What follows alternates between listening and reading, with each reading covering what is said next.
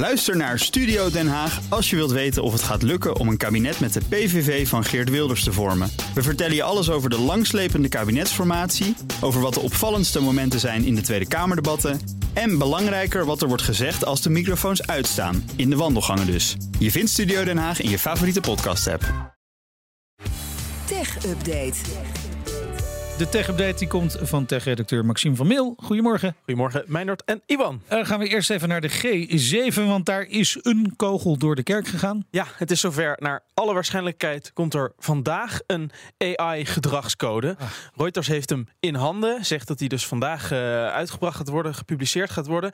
Daarmee willen ze bedrijven zoals uh, OpenAI bijvoorbeeld een handvat bieden. En tegelijkertijd beter kunnen controleren wat die bedrijven nou doen. Even voor de duidelijkheid, het gaat hier om een vrijwillige gedragscode. En door wie is die geschreven? Uh, door de AI.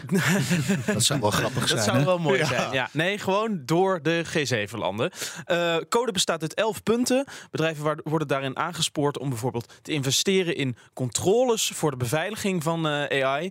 En ze moeten volgens de code ook rapport uitbrengen over de ontwikkelingen die ze maken. Ik ben benieuwd hoe dat dan gaat. Of die AI-bedrijven dan echt de volledige mogelijkheden van hun software gaan vertellen. Of dat ze gaan zeggen, oh, het gaat allemaal net wat minder.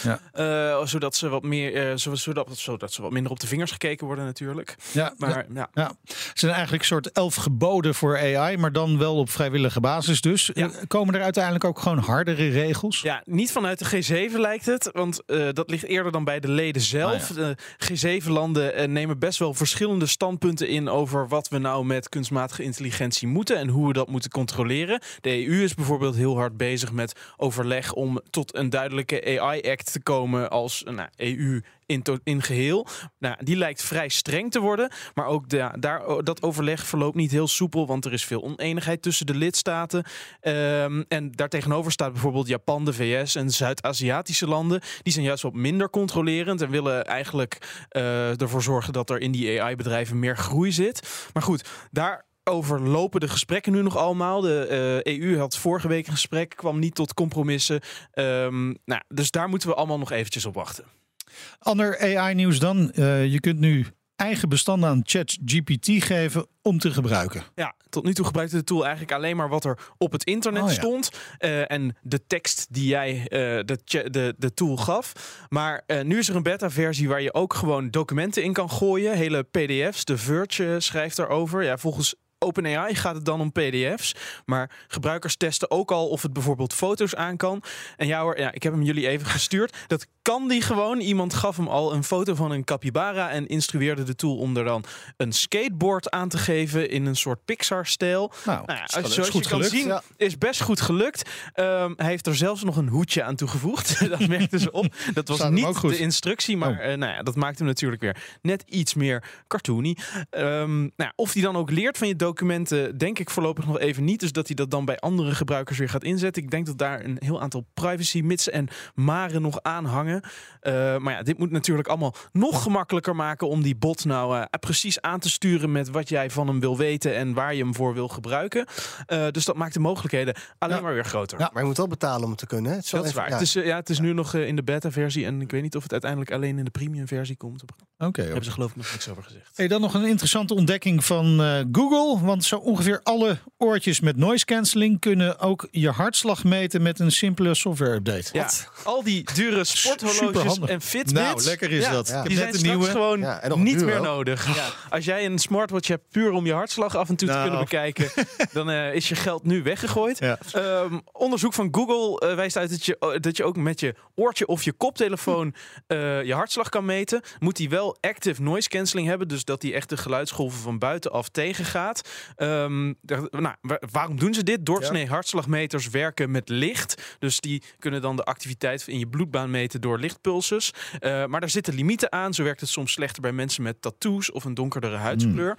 Mm. Um, omdat dat licht er dan uh, moeilijker doorheen ja. komt. Of da daar zitten dan problemen aan. Dus probeert Google een andere aanpak. Namelijk met geluid, ultrasoongeluid. Uh, dat wordt dan vanuit de koptelefoon of het oortje de gehoorgang ingestuurd. En dat weerkaatst dan op verschillende manieren van het huidoppervlak terug. Terwijl het bloed daar dus onderdoor stroomt. Okay.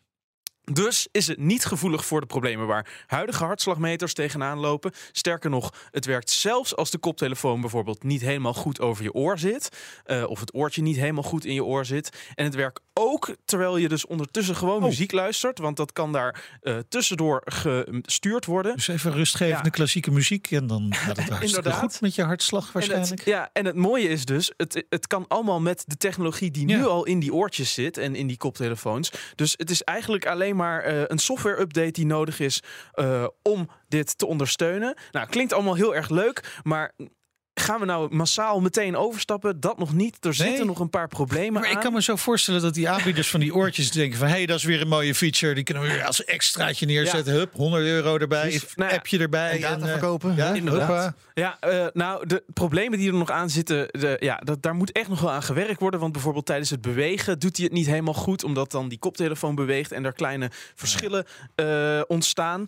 En als de omgeving heel erg luid is, kan dat ook het signaal verstoren. Nou ik ben benieuwd of ze die kuren kunnen gaan verhelpen. maar voorlopig blijft het nog in de onderzoeksfase. Maar ik denk dat Google eh, binnenkort hier wel meer over laat uh, weten. Dankjewel, Maxime van Mil. De BNR Tech Update wordt mede mogelijk gemaakt door Lenklen. Lenklen. Betrokken expertise, gedreven resultaat. Ook Thomas van Zeil vind je in de BNR-app. Je kunt live naar mij luisteren in Zaken doen. De BNR-app met breaking news, het laatste zakelijke nieuws... en je vindt er alle BNR-podcasts, bijvoorbeeld Het Nieuwe Geld. Download nu de gratis BNR-app en blijf scherp.